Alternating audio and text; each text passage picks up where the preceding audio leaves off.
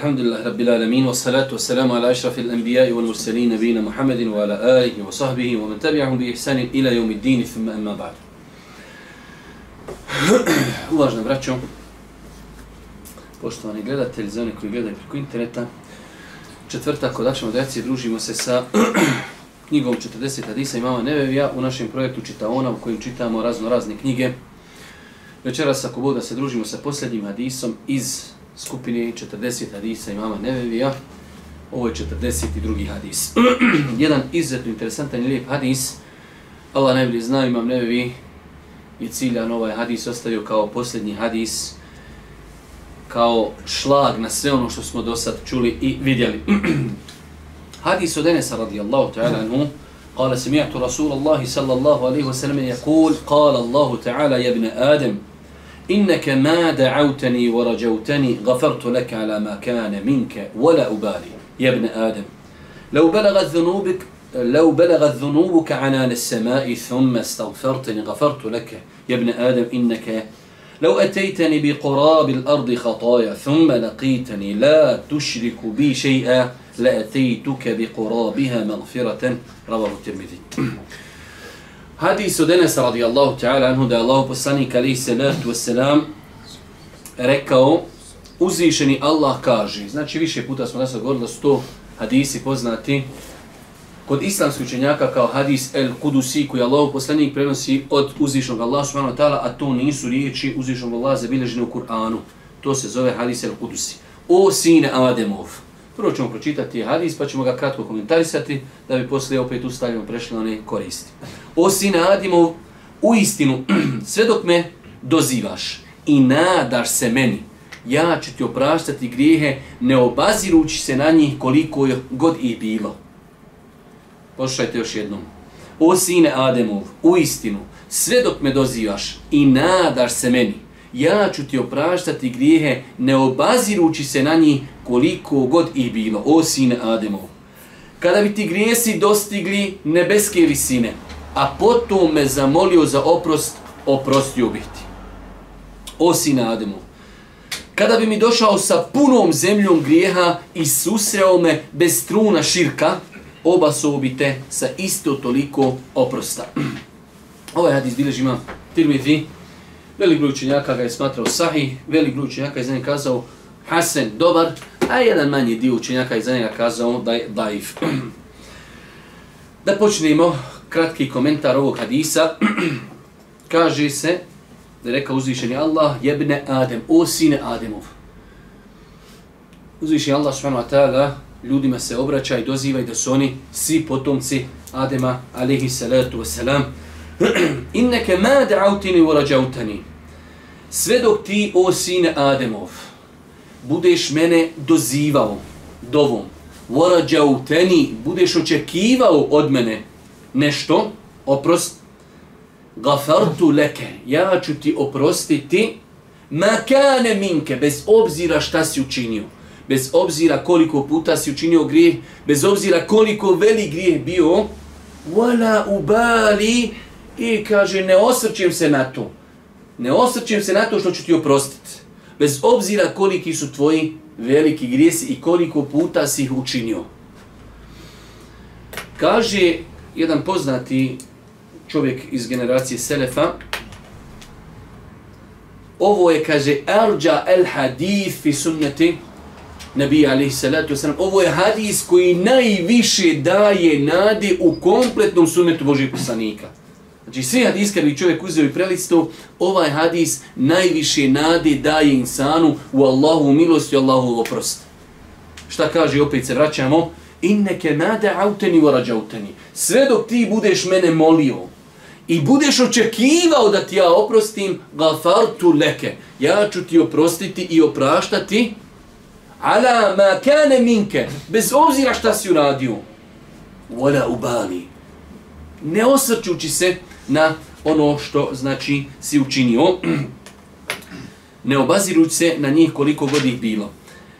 Pa ovaj hadis, ova, odnosno prva rečenica, u ovom hadisu imaju tri rečenice. Ovo je prva rečenica koja ukazuje na vrijednost dovi.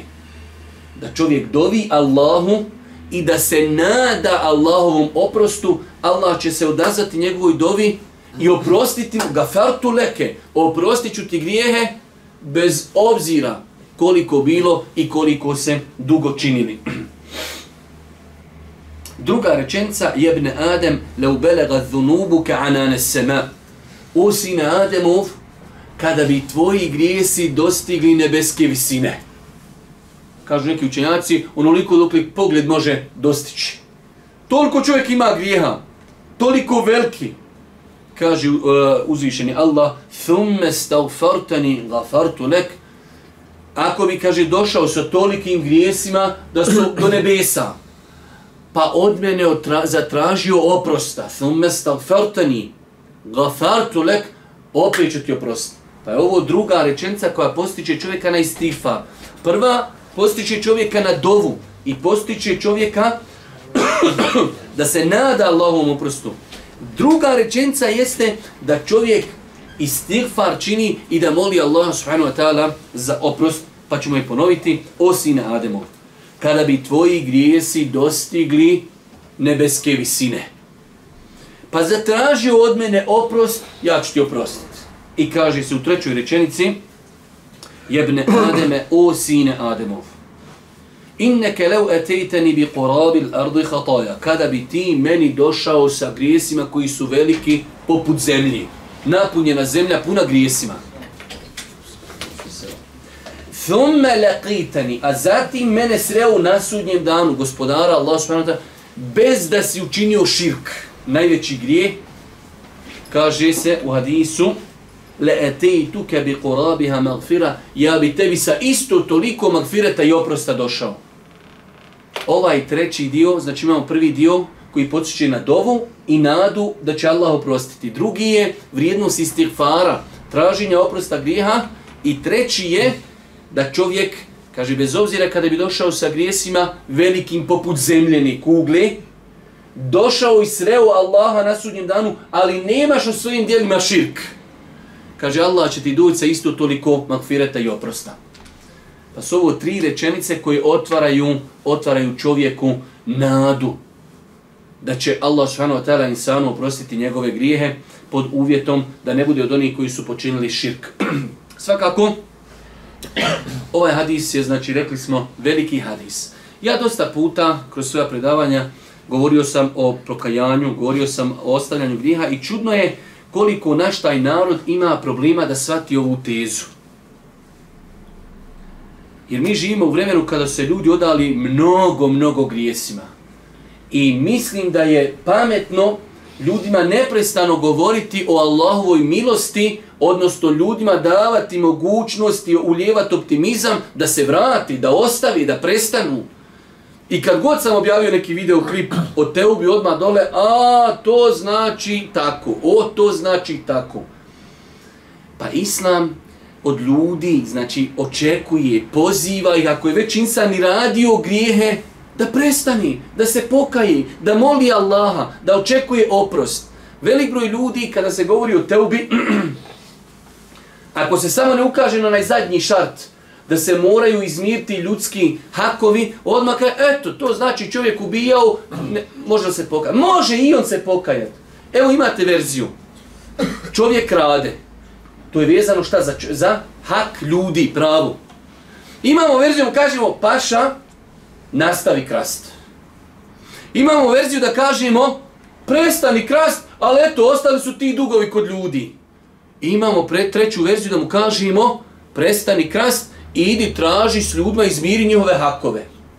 Ok, kad bi uzeli onu drugu verziju, bolje da prestani, pa makar mu ostalo nešto dugova koje nije riješio, nego kajmo nemoj prestajati nikako. E mi imamo ljudi koji, ne, ne, nemoj da prestaje, molim te. Jer se to kaže, može i on pokajati.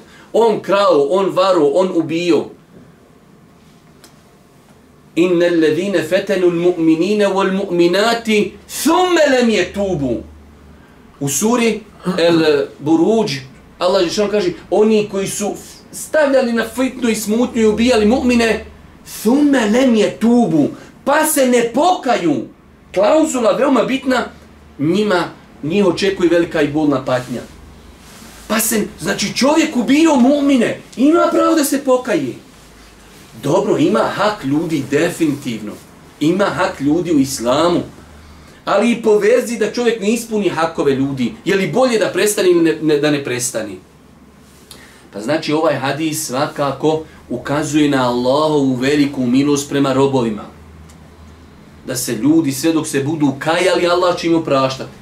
Svakako teuba ima tri uvjeta ako je čovjekov grije vezan za uzvišnog Allaha, ima četvrti uvjet ako je njegov grije vezan za ljude.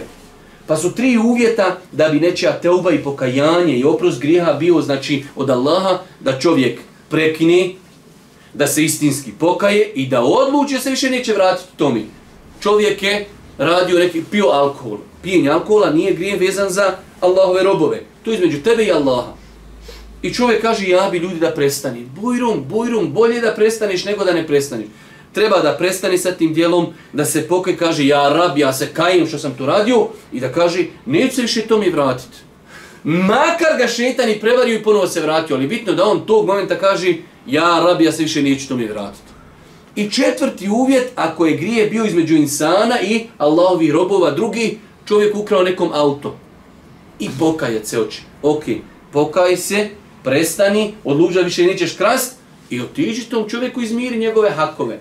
Ali kad bi re, ovo nije poziv nikako tomi, ali kad bi rekli da čovjek neće izmiriti te hakove, je li bolje da prestani? Svakako da je bolje da prestani. Pa je ovo ispravno svatanje teube, ne da se ljudi pozivaju u grijehe, niti je opravdanje da neko zanemari tuđe hakove.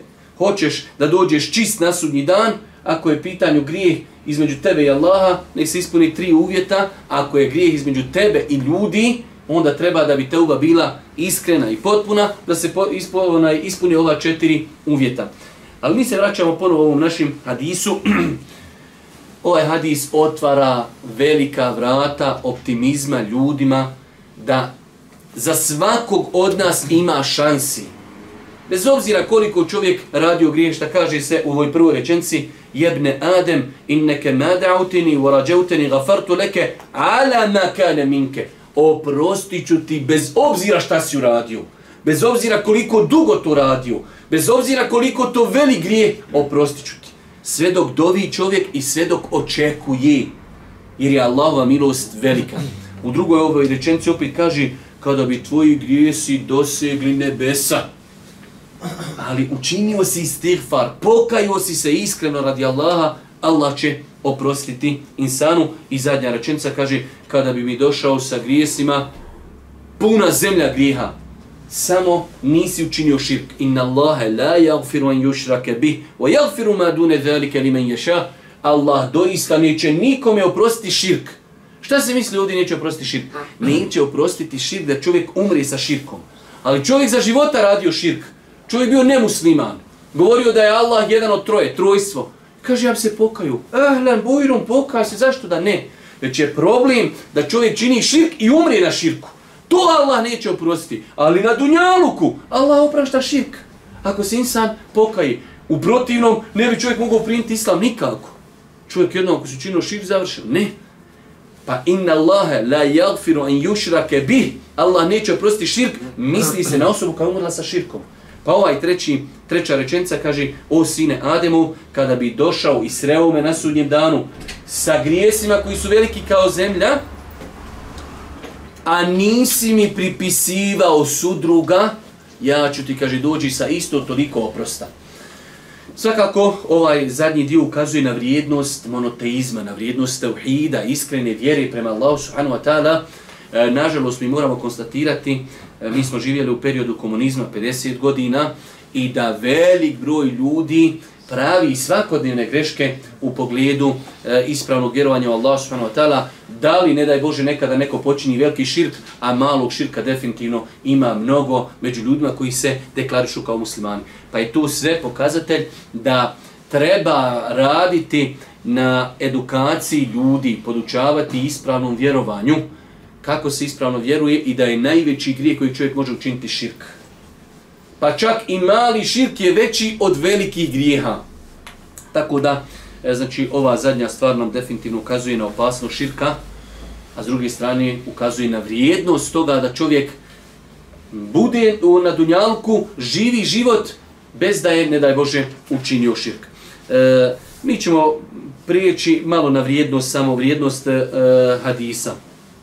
Ibn Dakik al-Id, rahmehullahu ta'ala, rekao je, u ovom hadisu nalazi se velika radost za vjernika, kao što se u njemu spominju neizmjerna Allahova dobrota i plemenitost, dobročinstvo i darivanje, milostivost i blagost prema čovjeku. U ovom hadisu nalazi se velika radost za vjernika.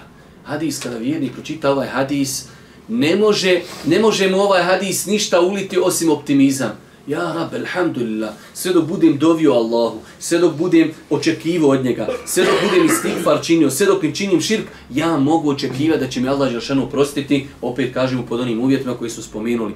Ali to otvara vrata čovjeku optimizma, da čovjek znači, na svoju prošlost gleda, ok, idem dalje, vraćam se Allahu, popravit se, ali će mi uzvišen Allah subhanahu wa ta'ala oprostiti. Dalje. Ovaj hadis je jedan od hadisa koji najviše ulijevaju nadu u srce vjernika. Naime, u njemu se spominje toliki Allahov oprost da vjerni griješnik nikako ne može izgubiti nadu zbog svojih mnogobrojnih grijeha. Međutim, ovo ne smije biti razlog obmane i upuštanja u grijeh, jer postoje grijesi koji mogu propasti čovjeka i spriječiti se između njega i Allahovog oprosta. E, to je, to je ono ispravno razumijevanje ovih hadisa. Ove hadise treba citirati ljudima koji hoće da se pokaju.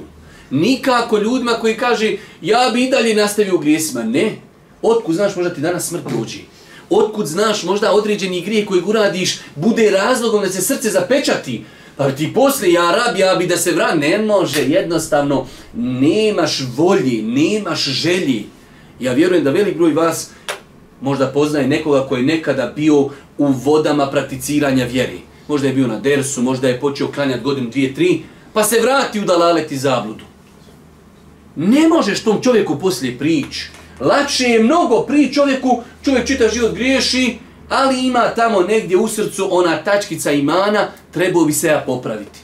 Ali insan koji jednom se pokaje, pa živi godinu, dvije, pet ili deset i onda ponovo se vrati na stari način života, veoma teško.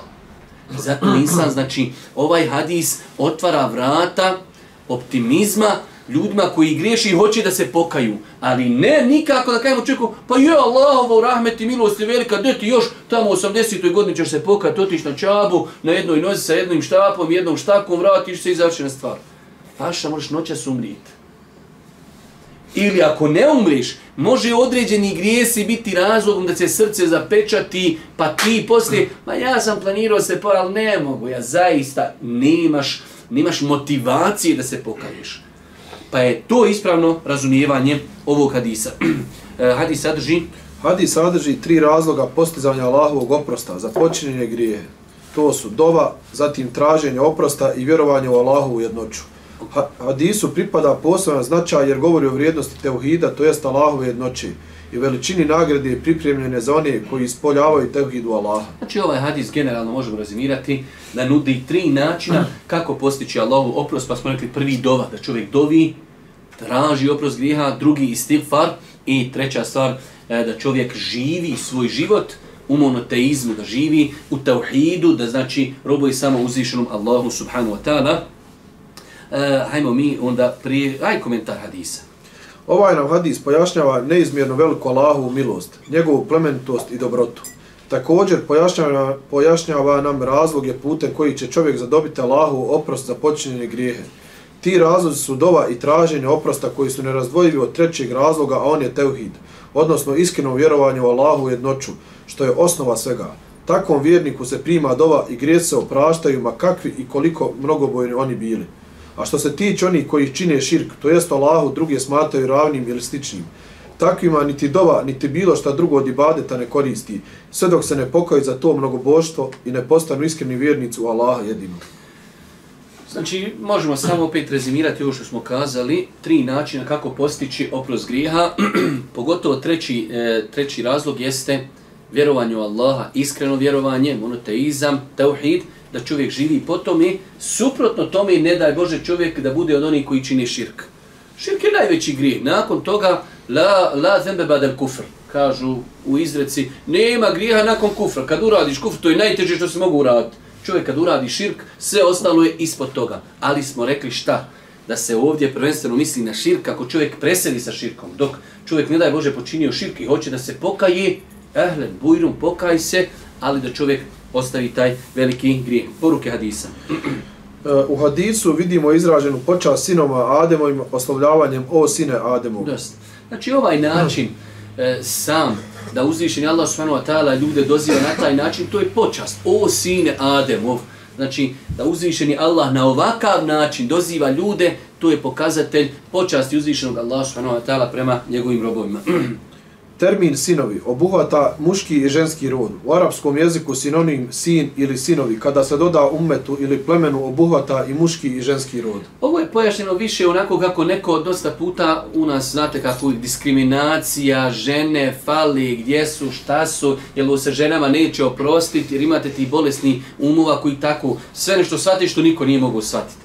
Pa je ova korist, znači, o sinovi Ademovi, e sad bi ovo da neko ne bi bukvalno sad ovo sinovi, o muškarci, potomci Adema, ali se nam u arapskom jeziku ovakav način izražavanja, znači označava i muškarce i žene. O vi koji vjerujete u Kur'anu, nema nigdje o vi koji vjerujete, za, jer ima na arapskom, moglo bi se na arapskom kazati, žene vjernice, ali ne, o vi koji vjerujete i muškarci i žene.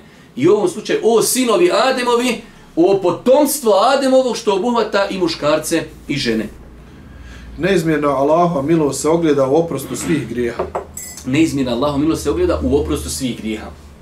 Znači Allahova milost je prvo što oprašta ljudima grijehe koji nisu činili širk, kaže makane minke, šta god da si uradio, koliko god puta ga ponovio, danas u većini komentara koji sam danas čitao, jeste kaže koliko god puta uradio neki grijeh i koliko god bio velik grijeh. I znate onaj hadis, da ga je Boži poslanik spomenuo, e, u kontekstu potvrdi, čovjek ubio 99 ljudi.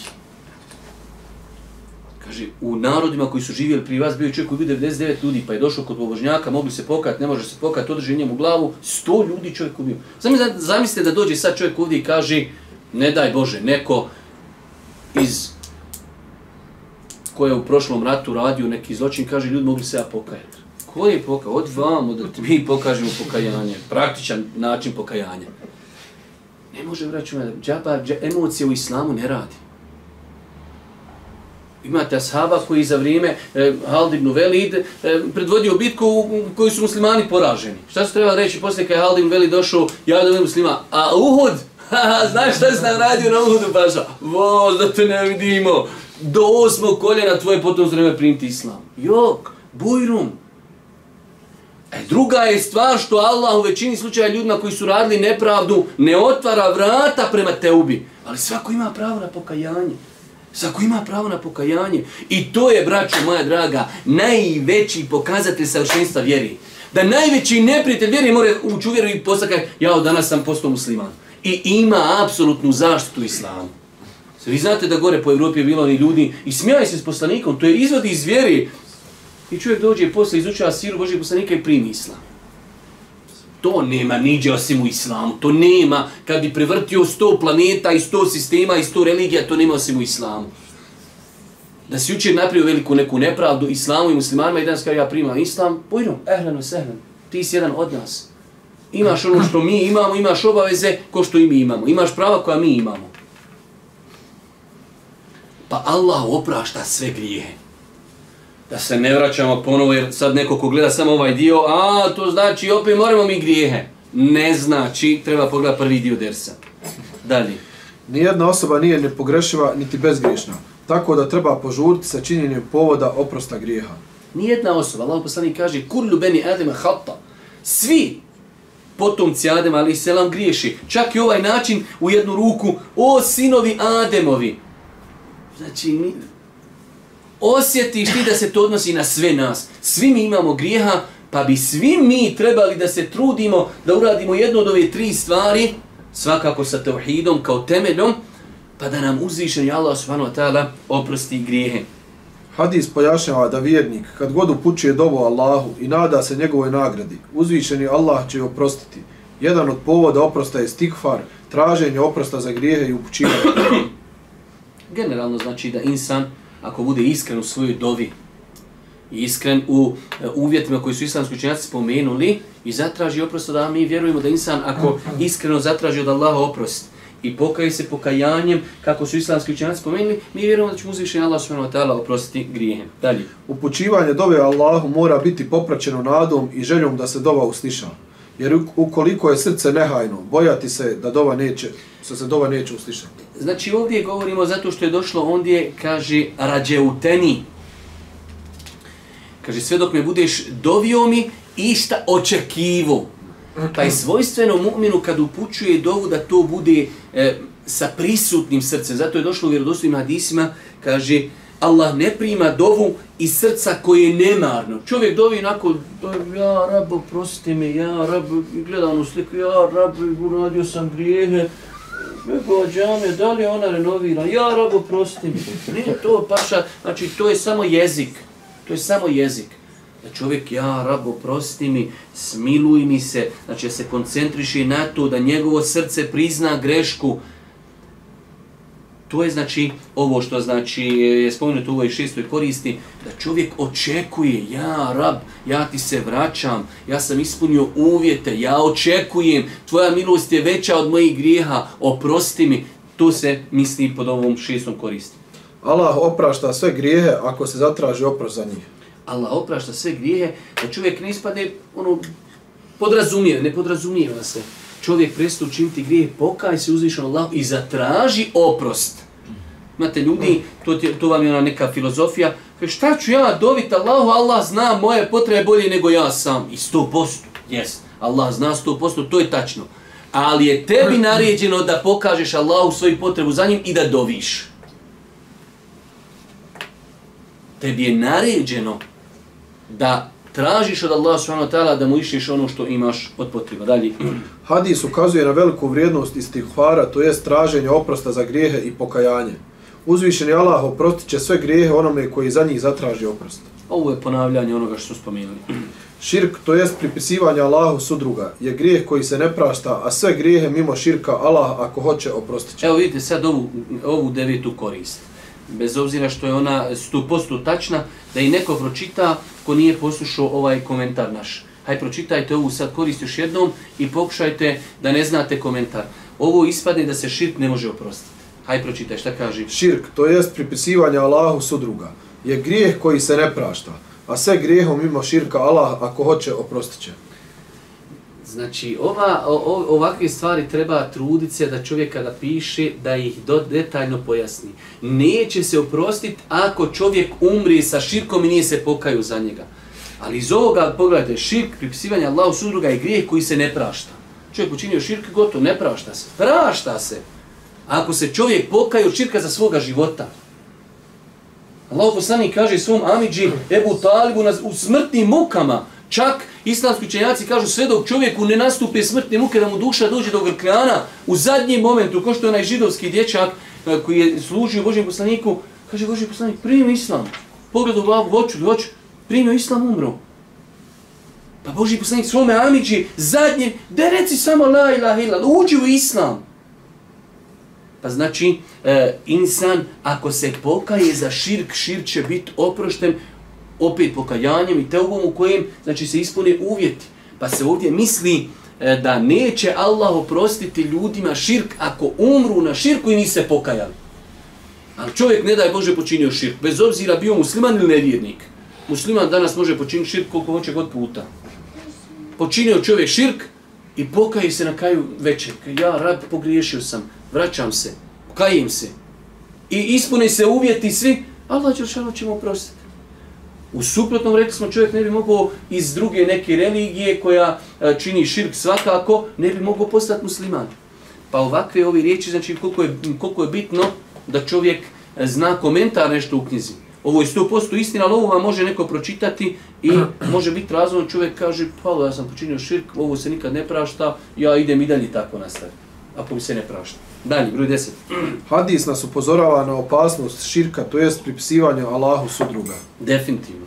Ovaj hadis je jedan od hadisa koji ukazuju na opasnost širka.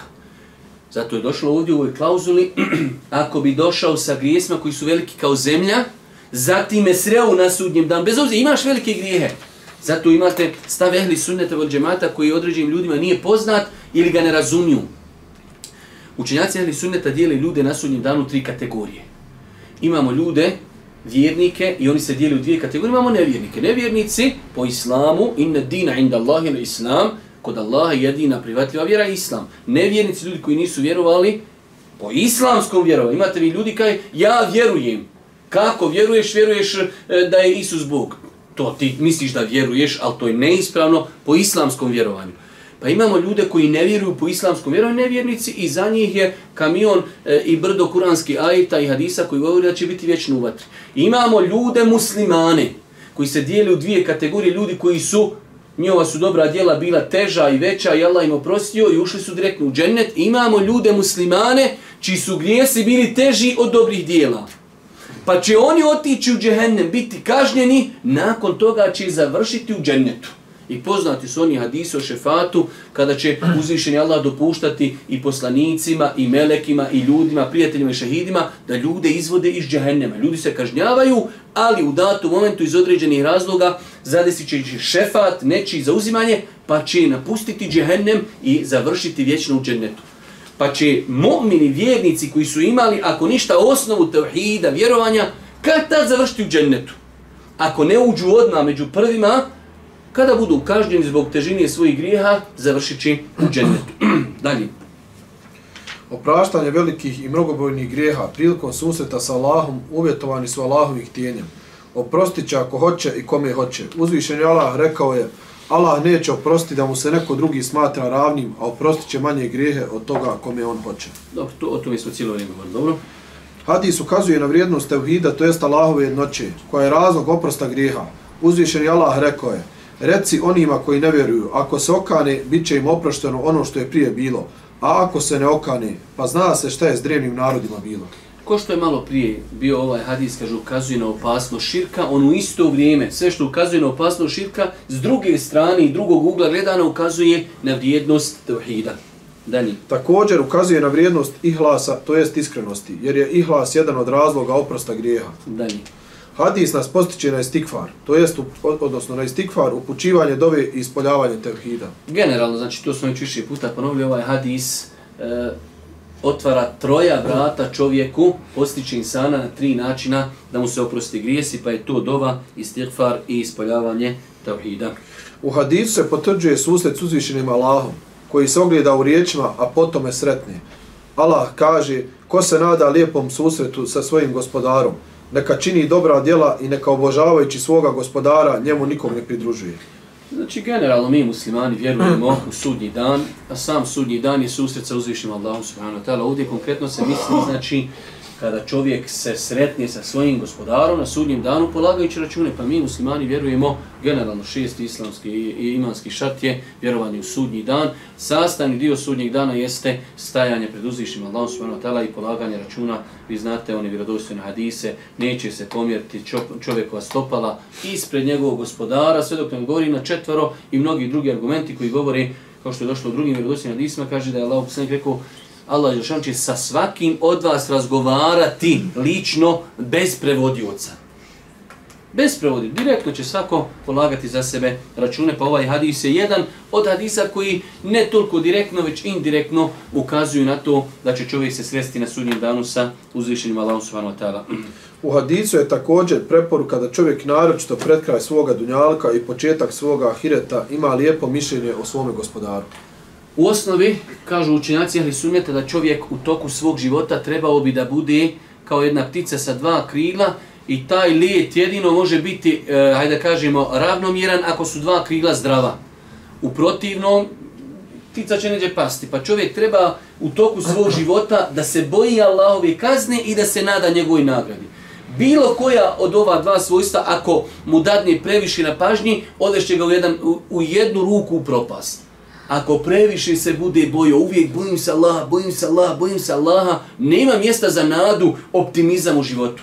I s druge strane, ako bude Allah milosti, Allah milosti, ne moraš kraj, ne moraš, Allah milosti, Allahova milosti je velika, ne moraš ništa, opet ode da čovjeka u propast.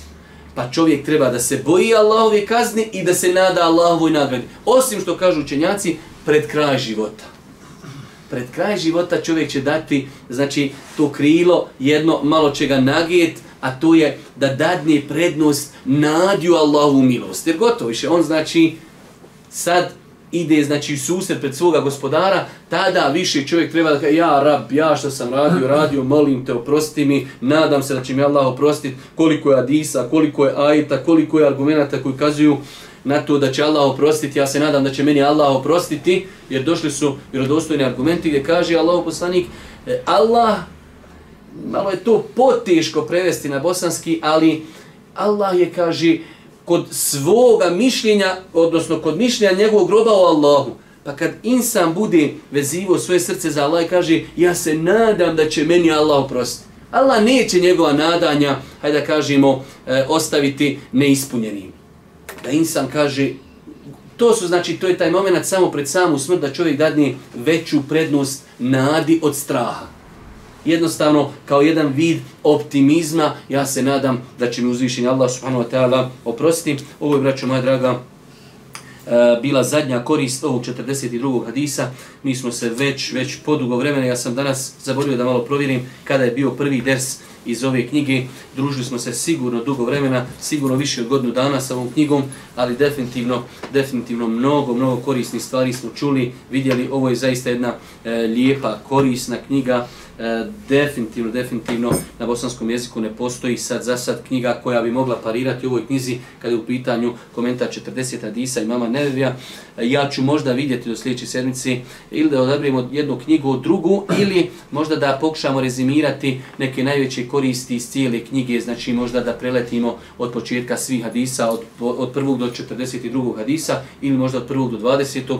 U svakom slučaju, e, nadam se, nadam se da su oni, oni koji su redovno dolazili, da su mogli mnogo toga naučiti, ne od mene, već jednostavno ovo je projekat čitaone, nemam ja tu sad ništa osim što mi to pročitamo, ono što su naši autori rekli i eto određene stvari čisto pojasnimo kako ne bi samo e, bilo određenih nejasnoća. E, smatram da je ovo ispravan način traženja znanja da čovjek iščitava kapitalna dijela, da uči njihove komentare. E, sama činjenica da su islamski učenjaci e, kroz mnoga poglavlja e, u prvim, isto, e, prvim generacijama Islama pokušavali da objedine kroz 40 hadisa određena poglavlja, a jedno od ovih od, od, tih dijela jeste i dijelo imama Nevevi, kojim je Allah subhanahu podario jedan veliki blagoslov. E, samo uzvišen Allah zna koliko je hiljada i stotina hiljada ljudi koji nauče ove hadise na pamet, koliko je ljudi samo u savremenom dobu koji su pisali komentar na ove hadise, e, jednostavno jedna blagoslovljena knjiga, velika knjiga, e, spoznaju ovi 40, 42 hadisa, vjerujte kad bi čovjek dobro spoznao i dobro razumio, e, možemo sigurno za njega kazati u jednu ruku da je shvatio osnovne poruke Islama. Molim Allah subhanahu wa ta'ala da nas učesti na putu istine, da nas poduči i korisnu za nju i na kraju subhanaka Allahumma da bihamdike, šedaj la ilaha ila ila ila ila ila